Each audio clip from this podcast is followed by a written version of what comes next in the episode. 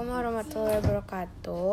Uh, halo buat ini Nadira. Hari ini saya mau menjelaskan tentang presentasi sejarah wajib Van den Bosch atau kebijakan tanam paksa Van den Bosch, dikenal dengan nama panjang Johannes Graf Van den Bosch. Uh, ia adalah gubernur jenderal Hindia Belanda yang keempat tiga. Ia memerintah tahun 1830 sampai 34. Pada masa pemerintahannya, tanam paksa atau dikenal kultur stelsel mulai direalisasi setelah sebelumnya hanya merupakan konsep kajian dibuat untuk menambah kas pemerintah kolonial Belanda karena bangkrut di peperangan Eropa maupun daerah koloni terutama di Jawa dan Pulau Sumatera. Perjuangan Van den Bosch dimulai 18 setelah dipulangkan ke Belanda karena perbedaan pendapat dengan Gubernur Jenderal Wilhelm Dendels. Setelah kepulangan ke Belanda pada bulan 1813, Van den Bosch beragitasi untuk kembalinya wangsa orangnya. Dia diangkat kembali sebagai kolonel ketenaran Panglima Maastricht. Di Belanda, karir militernya membuat terlibat sebagai komandan Maastricht dengan pangkat sebagai mayor jenderal. Di luar karir, Van der Bosch membantu menyadarkan warga Belanda akan kemiskinan akut di wilayah koloni. Jadi, ini adalah kebijakan-kebijakan yang diterapkan Van den Bosch. Satu, sistem sewa tanah dengan uang harus dihapuskan karena pelaksanaannya sangat sulit sehingga tidak banyak memberikan keuntungan. Dua, sistem tanah bebas diganti dengan tanah wajib yang sudah ditentukan oleh pemerintah Hindia Belanda.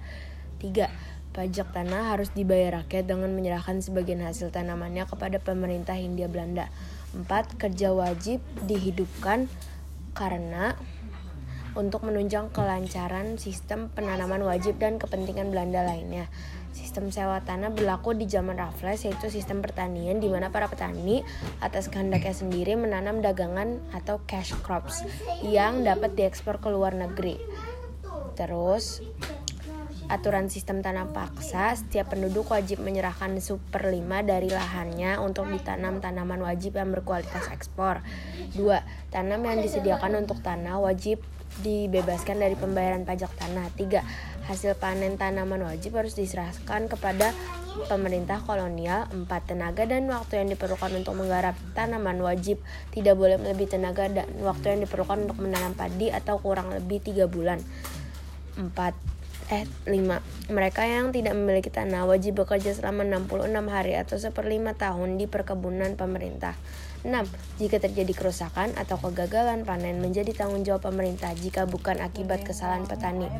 7. Pelaksanaan tanam paksa diserahkan sepenuhnya kepada kepala desa. Pelaksanaan tanam paksa 1.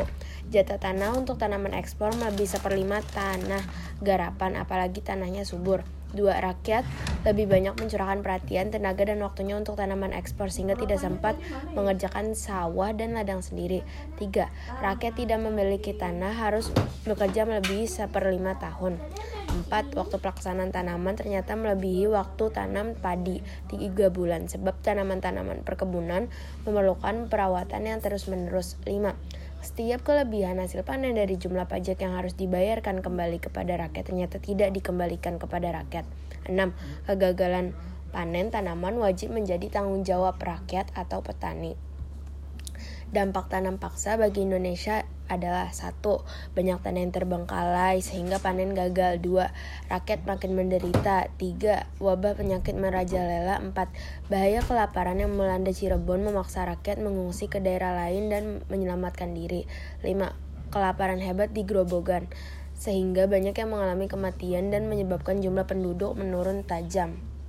Terus penentangan tanaman paksa itu ada dari golongan pendeta yang menentang atas as dasar kemanusiaan adapun tokoh yang mempelopori pertentangan ini adalah Baron van Hove. Adapun golongan liberal di antaranya Douwes Dekker nama samaran Multatuli yang menentang tanam paksa dengan mengarang buku berjudul Max Havelaar. B. Van Frans van de Putte dengan mengarang buku berjudul Swicker Construction atau kontrak kerja penghapusan pelaksanaan tanam paksa secara bertahap. Adanya tanam paksa di Sumatera Barat, tanam paksa dimulai sejak 1847, lalu 1860 tanam paksa lada dihapus, dan tahun 1865 tanam paksa nila dan teh dihapus. Tahun 1870 tanam paksa semua jenis tanaman dihapus kecuali kopi di Priangan. Selain di Pulau Jawa, kebijakan hampir sama juga dilakukan tempat lain seperti Sumatera Barat. Gitu. Di Sekian, kasih wear. Wassalamualaikum. Bye bye.